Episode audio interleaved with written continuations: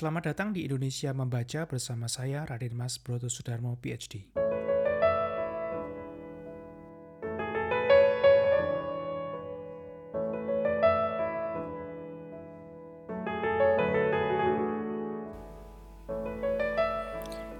Pendengar yang budiman, uh, tema yang kita akan bahas kali ini terkait dengan COVID-19 dan vaksin yang dikembangkan.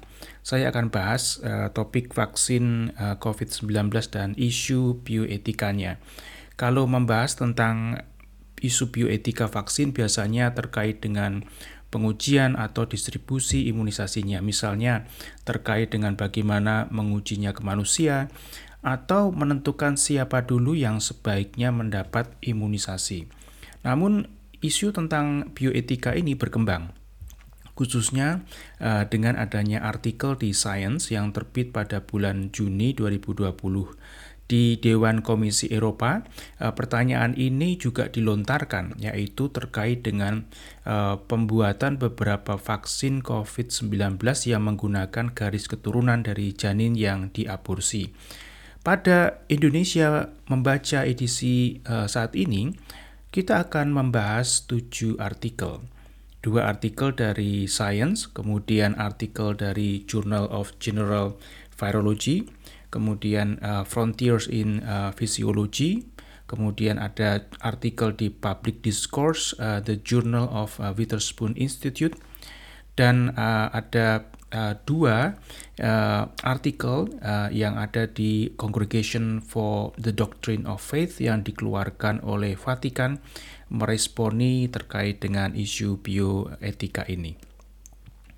Pertama kita bahas dulu artikel uh, yang ditulis oleh Meredith Westman yang dimuat di uh, Science Magazine yang diterbitkan online pada tanggal 5 Juni 2020 kemudian dalam bentuk cetak uh, dalam uh, Science volume 368 isu 6496 uh, pada halaman uh, 1170 sampai 1171. Meredith Wetman adalah uh, seorang reporter dan penulis senior di Science Magazine dan juga Nature, khususnya terkait dengan isu-isu research uh, biomedis dan politik. Dia lulus BA di bidang uh, Human Biology di Stanford University, juga gelar medis dari University of Oxford, kemudian juga mendapatkan gelar Master Science di bidang jurnalistik di Columbia University. Artikel yang dia tulis uh, online itu berjudul Abortion Opponents Protest COVID-19 Vaccines Use of Fetal Cells Sedangkan yang versi cetak judulnya Vaccines that use human fetal cells draw fire. Pada artikel tersebut dimunculkan daftar-daftar vaksin-vaksin yang dikembangkan di mana menggunakan uh, materi janin yang diaborsi. Ada uh, dua jenis sel janin yang diaborsi uh, yang menjadi sorotan yaitu HEK 293 dan PRC6. Masing-masing digunakan oleh University of Oxford, AstraZeneca, dan Janssen Research and Development USA. Keduanya memiliki uh, potensi hibah research dari US yang besar uh, sebesar 1,2 billion uh, USD untuk AstraZeneca dan uh, 456 million uh, untuk Janssen R&D. Nah, protes keras kemudian dilontarkan oleh pimpinan uh, senior Katolik di US dan Kanada bersama dengan beberapa kelompok anti aborsi. Mereka mendesak penyandang dana hibah uh, dan pembuat kebijakan untuk memastikan bahwa perusahaan mengembangkan vaksin lain yang tidak bergantung pada garis sel janin manusia dan di Amerika Serikat mendesak pemerintah untuk memberi insentif kepada perusahaan agar hanya membuat vaksin yang tidak bergantung pada sel janin. Garis uh, sel janin uh, adalah kunci untuk memproduksi kedua jenis vaksin tersebut. Uh, sel HEK 293 penting untuk membuat subunit protein vaksin tersebut. Kata uh, Andrea Gamboto, seorang ilmuwan vaksin di, uni di Universitas Pittsburgh di Fakultas Kedokteran dan pengembang utama vaksin. Asal usul manusianya penting katanya. Sel hewan atau bukan manusia yang dibudidayakan dapat menghasilkan protein yang sama, tetapi mereka akan dihiasi dengan molekul gula yang berbeda, yang dalam kasus vaksin eh, berisiko gagal membangkitkan protein yang kuat dan respon imun yang spesifik. Kemudian uh, Nicanor Austriaco, seorang profesor biologi di uh, Providence College, uh, Rhode Island, dia menulis uh, artikel di Public Discourse, The Journal of the Witherspoon Institute, berjudul Moral Guidance on Using COVID-19 Vaccines Developed with Human Fetal Cell Lines. Profesor Austriaco menulis bahwa sebaliknya kelompok penelitian di Cina di Sinovac telah menumbuhkan virus SARS-CoV-2 dalam uh, sel monyet hijau Afrika kemudian membunuh uh, virus tersebut. Ketika disuntikkan ke kera, virus yang tidak aktif ini uh, bertindak sebagai vaksin, uh, memicu respons kekebalan yang melindungi primata dari paparan virus COVID di masa depan. Mengapa beberapa orang mengklaim bahwa kita memerlukan jaringan janin yang diaborsi untuk mendapatkan vaksin? Jawabannya uh, rumit. Menumbuhkan sel manusia di lingkungan laboratorium tidaklah mudah dan upaya paling awal untuk melakukannya di pertengahan abad sebelumnya sering berakhir dengan kegagalan. Untuk mempermudah tugas mereka, eh, ahli biologi sel berupaya mendapatkan sel manusia yang paling segar dan termuda yang dapat mereka temukan, yang dalam banyak kasus merupakan sel yang diperoleh dari sisa-sisa janin manusia. Tiga uh, dari garis sel manusia yang paling berhasil dikembangkan kemudian adalah uh, WI38, kemudian MRC5 dan HEK uh, 293 adalah garis sel janin manusia. Sel WI38 berasal dari sel yang diperoleh dari paru janin berusia 12 minggu yang diambil dari janin yang diaborsi pada awal 1960-an. Kemudian sel MRC5 berasal dari sel yang diambil dari paru janin usia 14 minggu dari janin yang diaborsi pada tahun 1966. Dan sel HEK 293 diisolasi dari sel yang diambil dari ginjal janin eh, dengan usia kehamilan yang tidak diketahui pada tahun 1973. Meskipun HEK 293 umumnya diyakini diperoleh dari janin manusia yang diaborsi, menurut korespondensi Profesor Austriaco dengan Profesor Frank Graham yang membuat jalur sel ini, asal muasal sel janin HEK tidak jelas.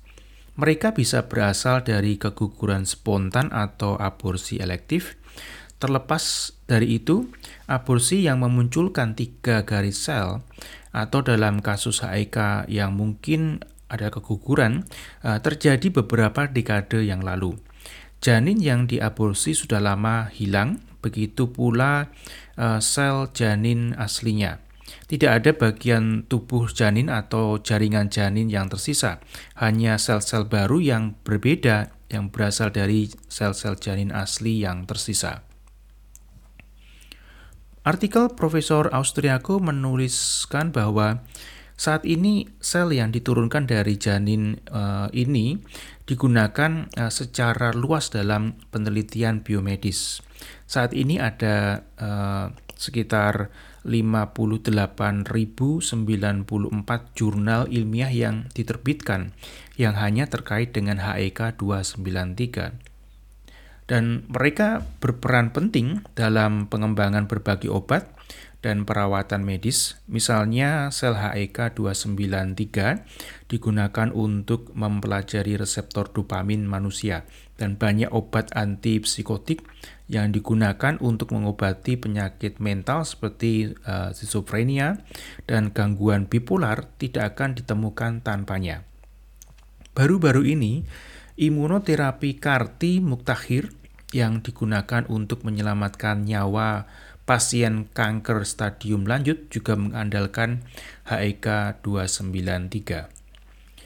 Dalam artikel uh, Science Magazine di atas, diterangkan bahwa David Prentice, wakil presiden dan direktur research uh, di Charlotte Lozier Institute uh, yang menentang aborsi, mencatat para peneliti yang membuat vaksin adenovirus telah memodifikasi sel HEK 293 agar mahir mengemas gen baru, seperti yang mengarahkan sel uh, untuk menyusun protein spike virus dari corona uh, menjadi adenovirus.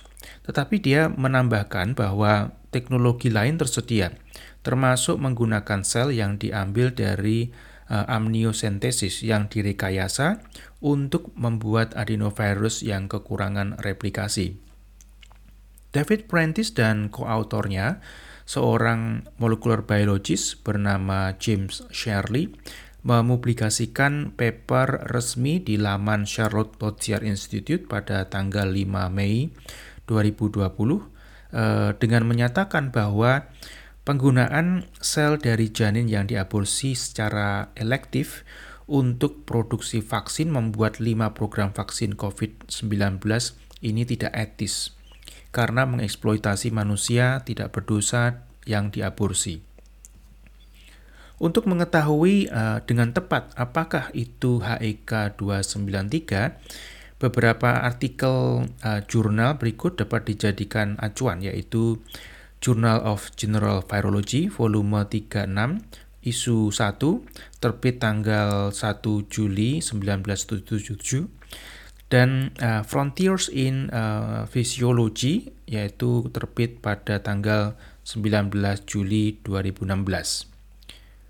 Judul artikel di Journal of General Virology adalah characteristics of a human cell line transformed by DNA human adenovirus type 5.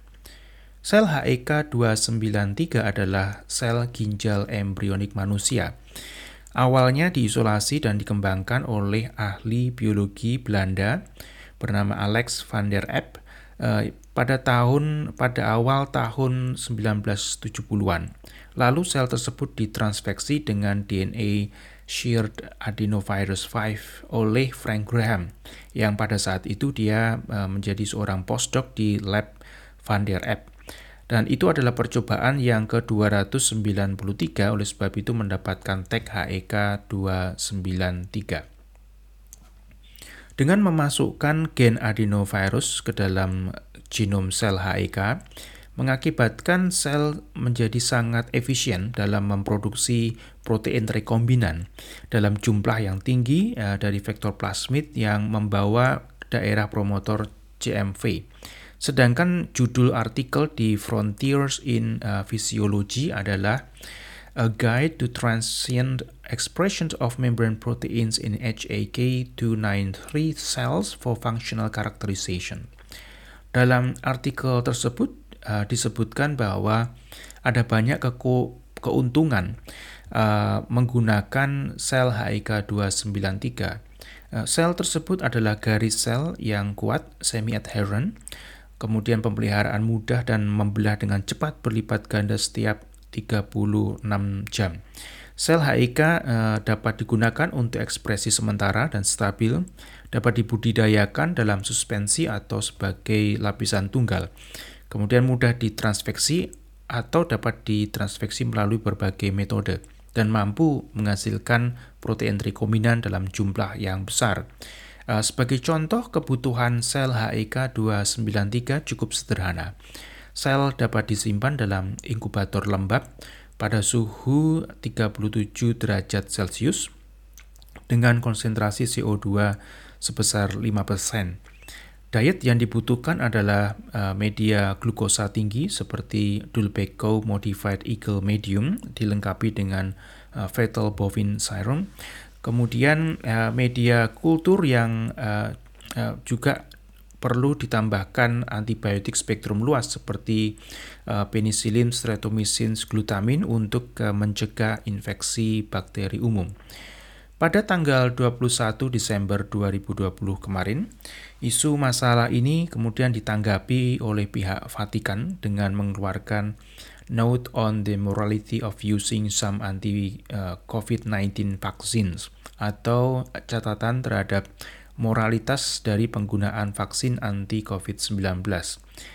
Catatan tersebut uh, didasarkan pada uh, artikel sebelumnya dalam instruksi Diniknas personae yang dikeluarkan pada tanggal 8 September 2008 pada pasal yang ke-34 dan 35. Kalau kita baca catatan dari pihak Vatikan ada enam objektif yang menjadi pertimbangan dari aspek moral penggunaan vaksin anti eh, COVID-19 yaitu eh, seperti berikut saya akan membacakan.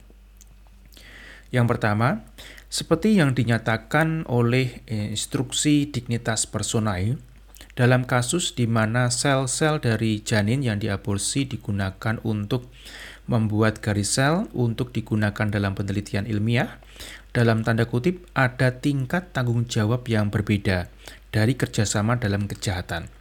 Misalnya dalam organisasi di mana jalur sel yang berasal dari sumber terlarang digunakan, tanggung jawab mereka eh, yang membuat keputusan untuk menggunakannya tidak sama dengan mereka yang tidak memiliki suara dalam keputusan tersebut. Yang kedua, dalam hal ini, ketika vaksin COVID-19 yang secara etis tidak tercela tidak tersedia, misalnya di negara-negara di mana vaksin tanpa masalah etika tidak tersedia untuk dokter dan pasien, atau di mana distribusinya lebih sulit karena kondisi penyimpanan dan pengangkutan khusus, atau ketika berbagai jenis vaksin didistribusikan di negara yang sama, tetapi otoritas kesehatan tidak mengizinkan warga untuk memilih vaksin yang akan diinokulasi secara moral dapat diterima untuk menerima vaksin COVID-19 yang telah menggunakan jalur sel dari janin yang diaborsi dalam proses penelitian dan produksi mereka. Yang ketiga, alasan mendasar untuk mempertimbangkan penggunaan vaksin ini secara moral sah adalah bahwa jenis kerjasama dalam kejahatan atau kerjasama materi pasif dalam aborsi yang diperoleh dari mana garis sel ini berasal di pihak mereka yang menggunakan vaksin yang dihasilkan jauh. Kewajiban moral untuk menghindari kerjasama material pasif tidak wajib jika ada bahaya besar, seperti penyebaran agen patologis yang serius yang tidak dapat dikendalikan, dalam hal ini penyebaran pandemi virus SARS-CoV-2 yang menyebabkan uh, COVID-19. Oleh karena itu harus dipertimbangkan bahwa dalam kasus seperti itu, semua vaksinasi yang diakui aman dan efektif secara klinis dapat digunakan dengan hati nurani yang baik dengan pengetahuan tertentu bahwa penggunaan vaksin semacam itu bukan merupakan kerjasama formal dengan aborsi yang digunakan sel-sel untuk melakukan aborsi e, produksi vaksin berasal. Namun harus ditekankan bahwa penggunaan yang sah secara moral dari jenis vaksin ini dalam kondisi tertentu yang membuatnya demikian tidak dengan sendirinya merupakan legitimasi, bahkan tidak langsung dari praktik aborsi dan dengan sendirinya dianggap bertentangan dengan praktik ini oleh mereka yang menggunakan vaksin ini. Yang keempat, faktanya penggunaan sah dari vaksin tersebut tidak dan tidak boleh menyiratkan bahwa ada dukungan moral dari penggunaan garis sel yang berasal dari janin yang diaborsi. Oleh karena itu, baik perusahaan farmasi maupun badan kesehatan pemerintah didorong untuk memproduksi, menyetujui, mendistribusikan, dan menawarkan vaksin yang dapat diterima secara etis yang tidak menimbulkan masalah hati nurani baik bagi penyedia layanan kesehatan maupun orang yang divaksinasi.